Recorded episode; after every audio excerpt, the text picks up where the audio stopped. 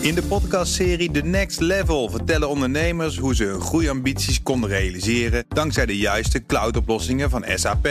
Wat waren de uitdagingen, de oplossingen en hoe ging de uiteindelijke implementatie? Benieuwd naar hun verhalen en hoe zij met behulp van SAP ook hun toekomstige ambities kunnen behalen? Luister de podcast The Next Level via de BNR-app of je favoriete podcast-app.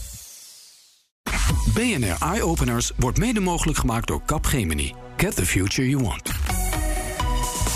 BNR Nieuwsradio. Eye-openers. Nina van den Dungen. Zoveel mensen en zo weinig ruimte. In de steden dan. Experts breken zich het hoofd over hoe we zo slim mogelijk met die beperkte ruimte omgaan. Een trend die je al een tijdje ziet is het weghalen van asfalt. Bijvoorbeeld door parkeerplekken te verwijderen. Of zelfs complete stadsdelen niet langer toegankelijk te maken voor het gewone autoverkeer. Dat betekent dus dat je met die schaarse ruimte die je in Amsterdam hebt, dat je daar slimmer mee omgaat. Dat je kijkt naar oplossingen die zich richten op misschien wel het uh, uh, verwijderen van auto's uit de stad. Dat je kijkt naar oplossingen om op een andere manier door de stad te bewegen. Ook een trend die zichtbaar is, is het delen van vervoer. Denk aan deelauto's, OV-fietsen, bakfietsen en natuurlijk de scooters. Ik denk wel als je als stad je bereikbaarheid wil bewaren, ja, dan zul je wat moeten doen aan het beprijzen van het hebben van een eigen auto, waarmee je nou ja, deelmobiliteit indirect stimuleert. Toch is er nog altijd een heel grote groep mensen die totaal niet zitten wachten op zo'n deeleconomie. Hoe ga je daarmee om? In deze aflevering van BNR Eye Openers focussen we specifiek op de mobiliteit van de toekomst in de steden.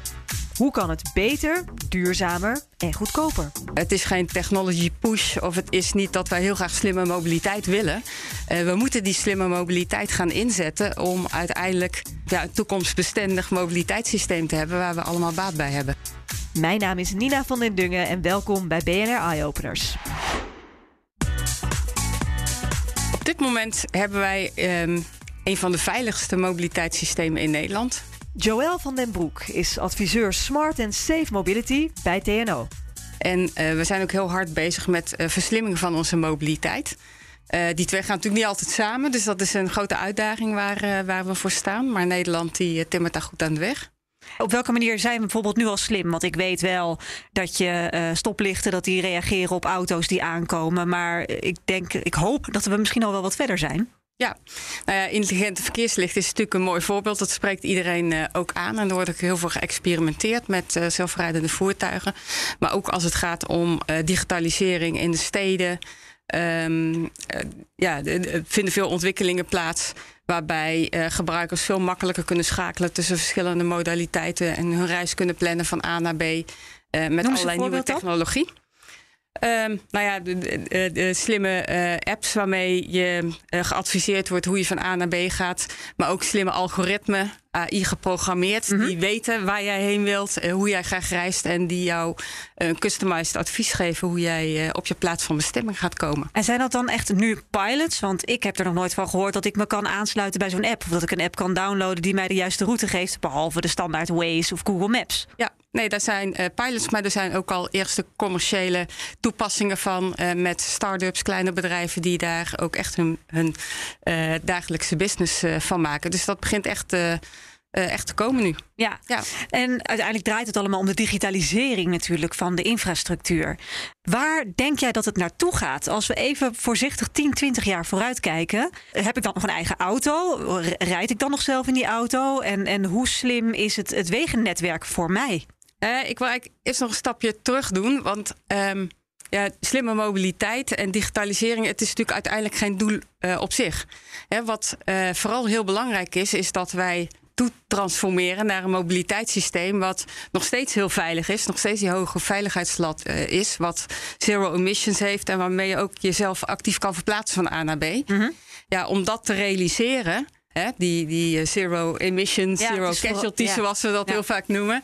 Uh, is slimme mobiliteit uh, is eigenlijk een noodzakelijk kwaad. Tenzij we achteruit willen gaan op uh, de manier waarop we ons verplaatsen. En dat willen we natuurlijk ook niet. Hè. Nee. We zien nog steeds een toenemende behoefte aan mobiliteit in de steden, maar ook op, op de snelwegen.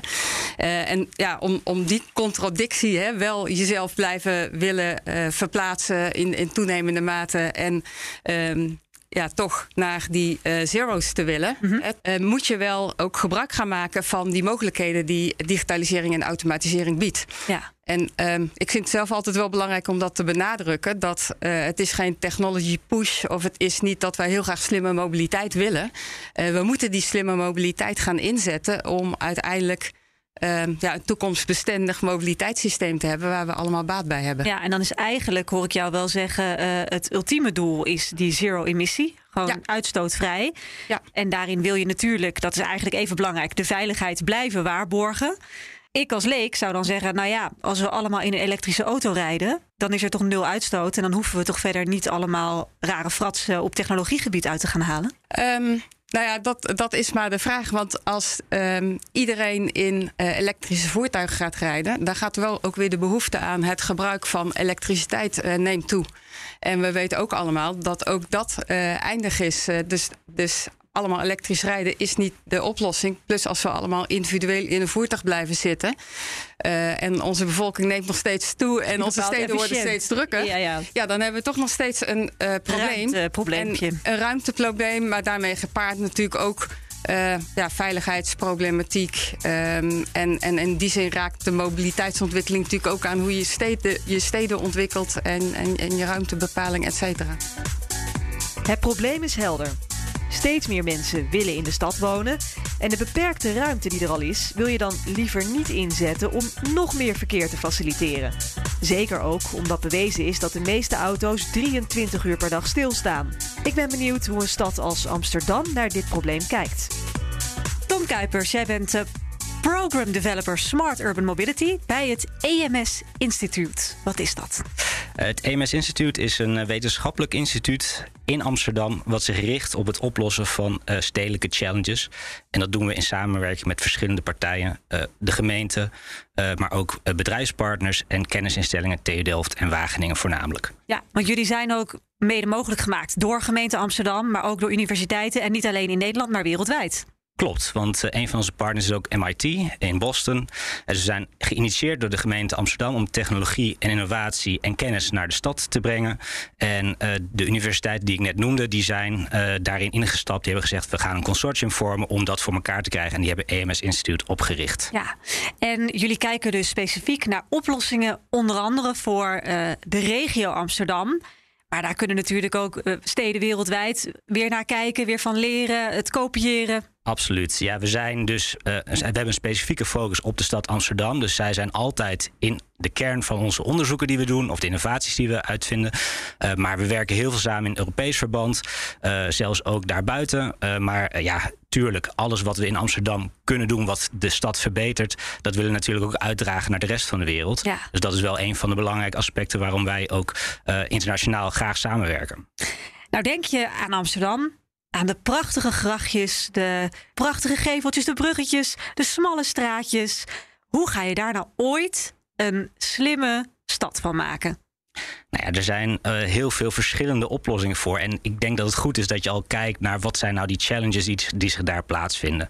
En in eerste instantie gaat het inderdaad om het verbeteren van de leefbaarheid. Nou, dat betekent dus dat je met die schaarse ruimte die je in Amsterdam hebt, dat je daar slimmer mee omgaat. Dat je kijkt naar oplossingen die zich richten op misschien wel het uh, uh, verwijderen van auto's uit de stad. Dat je kijkt naar oplossingen om op een andere manier door de stad te bewegen. Dat je kijkt naar bijvoorbeeld het waternetwerk als een extra uh, uh, manier van bewegen door de stad. Dat je eigenlijk op een integrale manier kijkt van hoe kunnen we nou die stad echt uh, ja, beter maken, leefbaarder maken en daar dus ook mobiliteitsoplossingen voor zien te verzinnen. Ja, wat is nu het hoofdpijndossier op dit thema, de infrastructuur in Amsterdam? Nee, je ziet dat uh, op dit moment er heel veel discussie is om de kwetsbare kademuren en bruggen. He, dus inderdaad, die infrastructuur, juist die oude binnenstad, die uh, ja, kwetsbaar is. En, en je waar... wilt hem bewaren, hè? Dit Precies, je wilt UNESCO hem bewaren. Werelderfgoed. Uiteraard, je wilt hem bewaren, dus je bent heel erg aan het kijken van hoe kunnen we nou daar uh, die infrastructuur verlichten. En dat kun je op heel veel verschillende manieren uh, doen. Zowel kijken naar logistiek als personenvervoer, uh, het anders gebruik van de openbare ruimte, misschien minder zware trucks door de stad, het slim combineren van pakketservices. Nou, je kunt heel veel dingen verzinnen die daarbij kunnen dragen. En bijvoorbeeld ook kijken naar de transitie van privaat vervoer naar deelmobiliteit bijvoorbeeld. Ja, Ja, en dat is een interessante die je nu noemt, want deelmobiliteit gaat waarschijnlijk een bak lucht geven hè, als steeds meer mensen daar gebruik van maken, omdat mensen toch zien van nou, misschien heb ik die eigen auto wel niet meer nodig. Ja, dat zou een hele mooie toekomst zijn. Het zou inderdaad uh, bijdragen aan twee ontwikkelingen. Eén, inderdaad, uh, die, dat gebruik van die openbare ruimte. Dus hoe kunnen we nou die stad anders gebruiken? Kunnen we inderdaad de ruimte die daardoor vrijkomt, bijvoorbeeld door parkeerplaatsen te veranderen in speelplek of groen, waar de stad ook echt behoefte aan heeft? Ja, hoe kunnen we dat doen? En aan de andere kant is die transitie naar deelmobiliteit ook een, een transitie die uh, heel erg inspeelt op de duurzame ontwikkeling. Dus dat we niet meer afhankelijk zijn van um, uh, auto's die op brandstof uh, lopen, maar op, op elektriciteit of op andere vormen van, van manieren om voor te bewegen. Ja, ja. toch het sentiment um, van autobezitters is: ik ga die auto echt niet inleveren. Nee, en dat, dat is iets wat we ook graag uh, onderzoeken. Dus daar zijn we ook mee bezig van. Ja, wat, wat is nou inderdaad het sentiment daaronder? Uh, hoe, uh, hoe afhankelijk zijn mensen ook van de auto? Want we kijken niet alleen per se om mensen uit die auto te krijgen, maar juist ook om inzicht te krijgen. En wat zijn nou de redenen waarom mensen van de auto afhankelijk zijn? En dat betekent ook dat we daarin ook oplossingen kunnen verzinnen die daaraan bijdragen. Dat mensen in de toekomst misschien wellicht niet meer afhankelijk zijn van die auto. Doordat de mobiliteit in bijvoorbeeld de buitengebieden van de regio's beter zijn. Omdat we bijvoorbeeld maatwerk kunnen uh, uh, opleveren. bijvoorbeeld met autonoom vervoer of met nou ja, slimme deelmobiliteit. Mm -hmm. En al dat soort aspecten kunnen dan inderdaad bijdragen aan het feit dat mensen niet meer afhankelijk zijn van het autogebruik, van het privé-autogebruik. Ja. Want ook in deelmobiliteit kan de auto nog een prima rol spelen. Alleen is dat dan inderdaad niet dat de auto 90% 95% van de tijd stilstaat. stilstaat. Ja. En dat we dus inderdaad daarmee heel wat auto's besparen. En dus ook doordat het elektrisch is, daar veel duurzamer mee om kunnen gaan. Ja, en is het niet ook vooral een generatieding, hè, waar mensen nu uh, van uh, wat oudere leeftijd wellicht erg gehecht zijn aan hun eigen vrijheid? Hè? Met mijn auto heb ik de vrijheid. Ja ga je misschien ook zien dat dat hun kinderen en misschien hun kleinkinderen het veel normaler vinden om die vrijheid ook te hebben met al die deelmobiliteit. Absoluut. Uh, je ziet dat de jongere generatie in heel veel aspecten al meer gewend is om dingen te delen. Uh, dat gaat niet alleen om mobiliteit, maar ook om andere services, om je accounts uh, voor je, voor je uh, tv of je filmabonnement. dus dat delen van dingen, dat zit veel meer al in de jongere generatie. En die zijn ook ja, niet opgevoed met het idee of die hebben niet de mogelijkheden al gehad om die auto uh, als privébezit te gebruiken. En daardoor ja, is die stap naar deelmobiliteit voor hun uh, een mooie oplossing. Ja. Laten we even voortborduren op de deelmobiliteit. Matthijs Boon is Head of Commerce bij Haley. Een bedrijf dat op de trend van gedeeld vervoer is ingesprongen.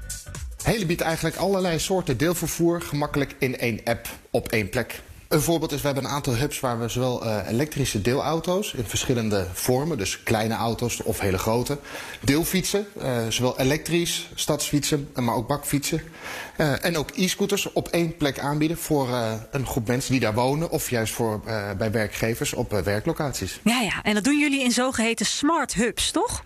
Dat doen wij inderdaad, wij noemen dat mobiliteitshubs. En we werken samen met een aantal gemeentes in een project dat heet Smart Hubs. En hoe moet ik zo'n zo'n hub voor me zien? Nou, het, is eigenlijk, ja, het, het, het zijn eigenlijk een, uh, een fysieke plek in de stad waar zowel deelauto's als deelfietsen gemakkelijk en herkenbaar bij elkaar zijn geplaatst. Zodat voor mensen die daar wonen of die daar werken heel herkenbaar en voorspelbaar is waar zij een deelauto of een deelfiets of een deelscooter kunnen vinden. Ja, en dat is dan eigenlijk denk ik een beetje op wijkniveau, hè? Ook, ja, zeker. Dus uh, wij, bij ons eigenlijk drie soorten locaties. Dat zijn uh, hubs in de wijk. Uh, die zijn open en toegankelijk voor iedereen die daar wonen of die daar werken. We hebben ook een aantal besloten locaties. Dan, dan zit het in een parkeergarage van een appartementencomplex bijvoorbeeld. en dan is de hub exclusief voor de mensen die daar wonen. Oh ja.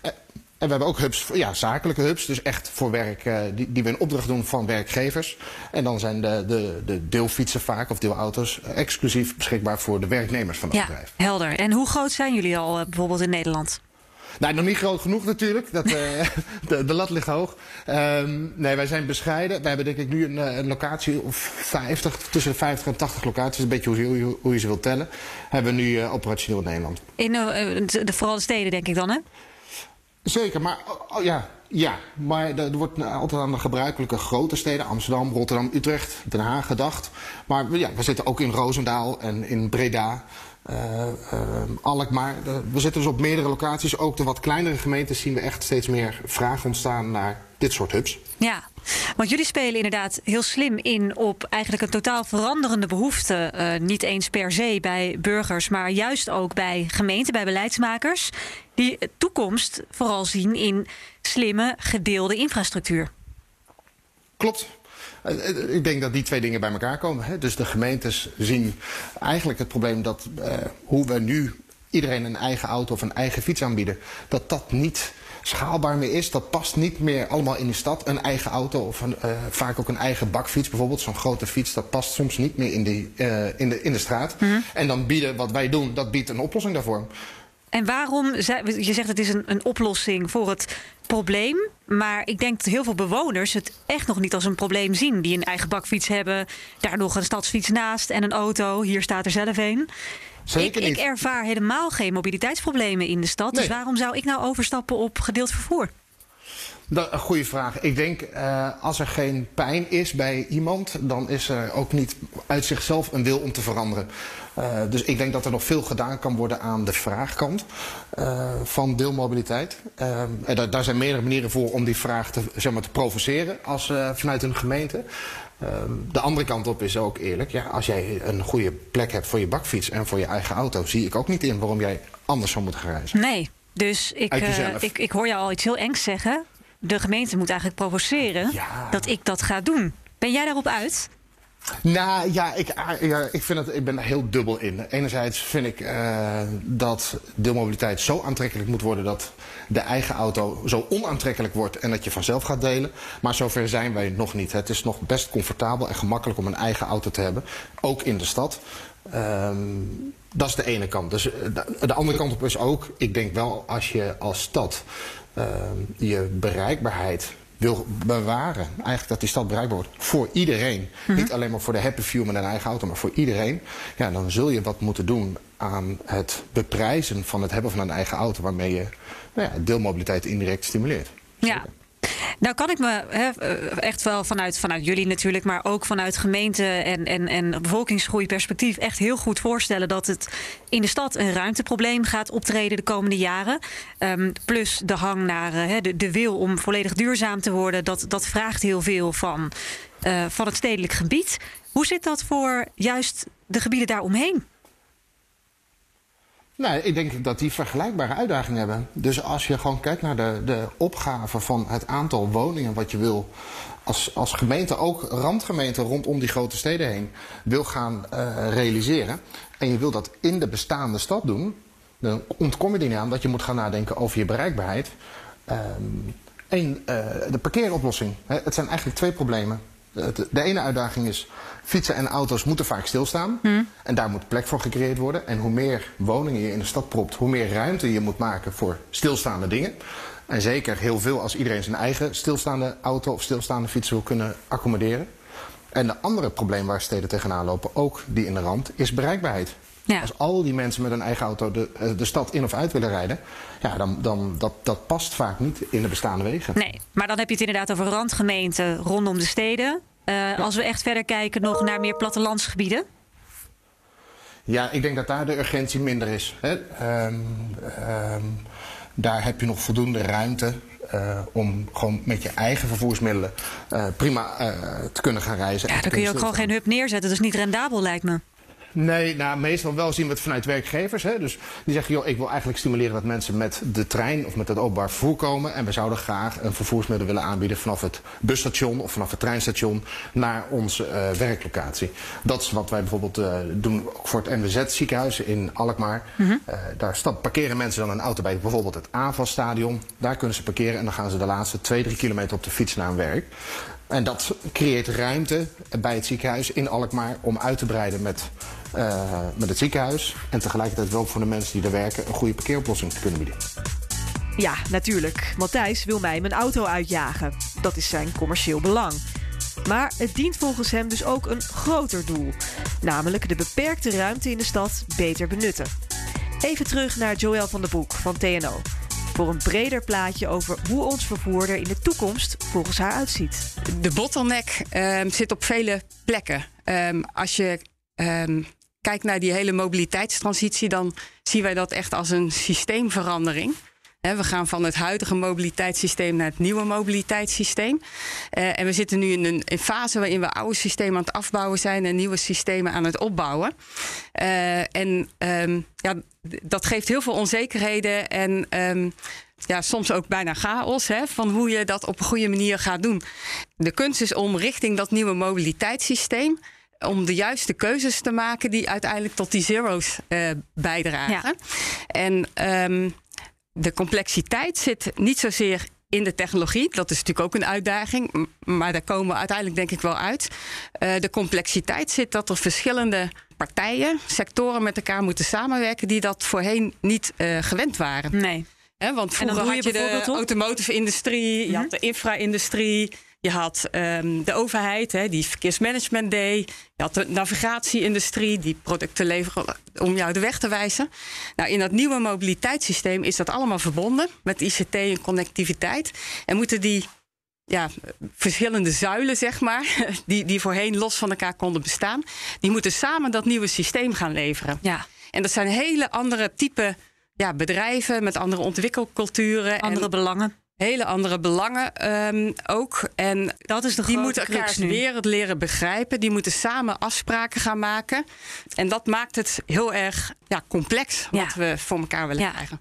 En daar zitten echt uitdagingen in. Maar ja, dat, dat is natuurlijk heel moeilijk te benoemen en te, te, te grijpen. Ja. En met name in die transitieperiode, die denk ik nog wel een jaar of tien zal duren, uh, gaat dat met name spelen. Op het moment dat we helemaal over zijn op die nieuwe mobiliteitssysteem. Ja ja, dan maar nou wil ik toch dat nieuwe mobiliteitssysteem eens even concreet krijgen. Want jij zei eerder, we zijn bezig oude systemen af te bouwen en op weg te gaan naar het nieuwe.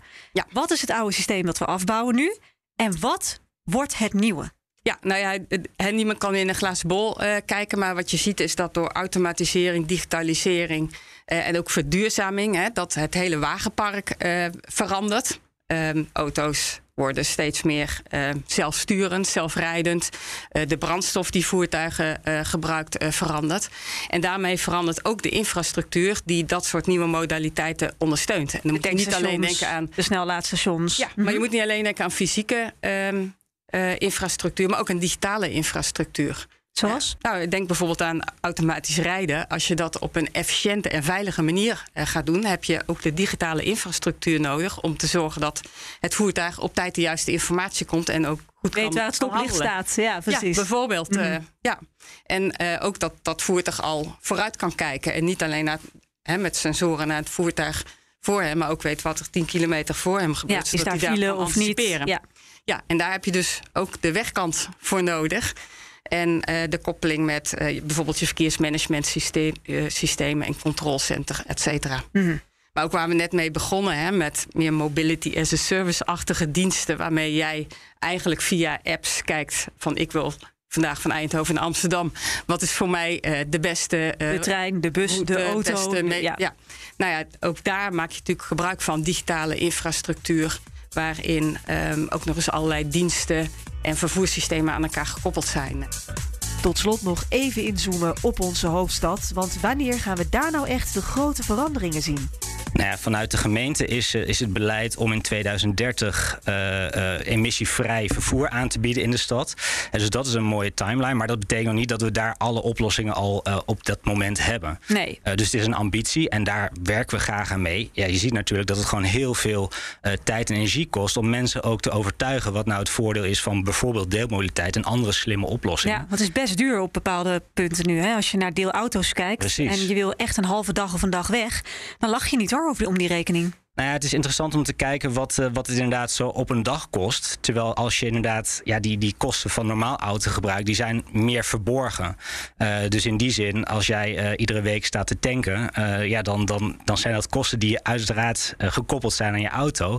Maar dat, dat, ja, dat is op een regelmatige basis die wat minder zichtbaar zijn dan dat je in één keer een bedrag van nou, 30, 40, 50 euro voor een dag autodeelgebruik hebt. Mm -hmm. Als je dat nu drie of vier keer per maand doet, dan ben je goedkoper uit dan dat dat je normaal gesproken bezig bent met uh, nou, bijvoorbeeld uh, het onderhoud of uh, de afschrijving van je eigen auto. Dus ja. daar zit soms wel eens een, een, een, verschil in. Mee eens, maar dan moet je inderdaad echt niet die verstokte autobezitter hebben die gewoon iedere dag met de auto naar zijn werk gaat. Nee, nee, maar daar is denk ik ook veel, heel veel interesse in, ook vanuit de wetenschappelijke kant, om juist te kijken van hoe kunnen nou bijvoorbeeld dat soort mensen ook um, ja, overtuigen, of niet per se overtuigen, maar in ieder geval inzicht geven in wat de alternatieven zijn. Ja. En dat daar heel, veel, heel waardevol onderzoek in gedaan kan worden. Ja, dan data.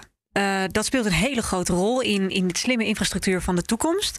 Jullie zijn natuurlijk geïnitieerd door de gemeente, uh, maar hebben daar verder hè, op zich niks mee te maken. Um, de gemeente wil natuurlijk veel data hebben. Bedrijven willen commercieel data hebben. Hoe zouden we daarmee om moeten gaan? Want uiteindelijk staat de privacy van de burger toch wel voorop. Nou, ik denk dat het heel erg belangrijk is dat met alles wat we rondom data doen, dat we daar helder en transparant over zijn. Ook binnen het EMS-instituut werken we niet alleen aan mobiliteit, maar juist ook om, om verantwoord gebruik van data. Dat is een apart thema binnen ons instituut zelfs. dus we zijn daar heel erg mee bezig. En ook vanuit de gemeente zijn er verschillende initiatieven om daar heel goed en, en zorgvuldig mee om te gaan. Ik denk dat het heel erg waardevol is dat we inderdaad op goede manier samenwerken om die data uh, veilig en vertrouwd uh, met elkaar te delen, zodat we daar slimme oplossingen voor kunnen verzinnen. Hmm. Uh, dus het gaat aan de ene kant om het, ook het combineren van data. Hè. Dus soms kun je met uh, bepaalde data die vanuit de gemeente beschikbaar is, uh, slimme oplossingen vinden. In combinatie met bijvoorbeeld gebruikers in, in bijvoorbeeld auto's, dat je navigatie kunt aansturen op basis van data van de gemeente. Ja, maar dan komt toch wel vaak de vraag: welke data is nou van de burger? Wat is voor de gemeente en wat is voor de bedrijven? Ja, in principe is dat inderdaad een, een, een hele belangrijke vraag. Uh, kijk, onder het mom van experimenten kunnen we inderdaad heel veel doen. Ik denk dat dit wel een discussie is die inderdaad gewoon uh, ja, diep gevoerd moet worden. Omdat het ja, een belangrijk. Uh, Raakt aan mijn privacy. Ja. Precies.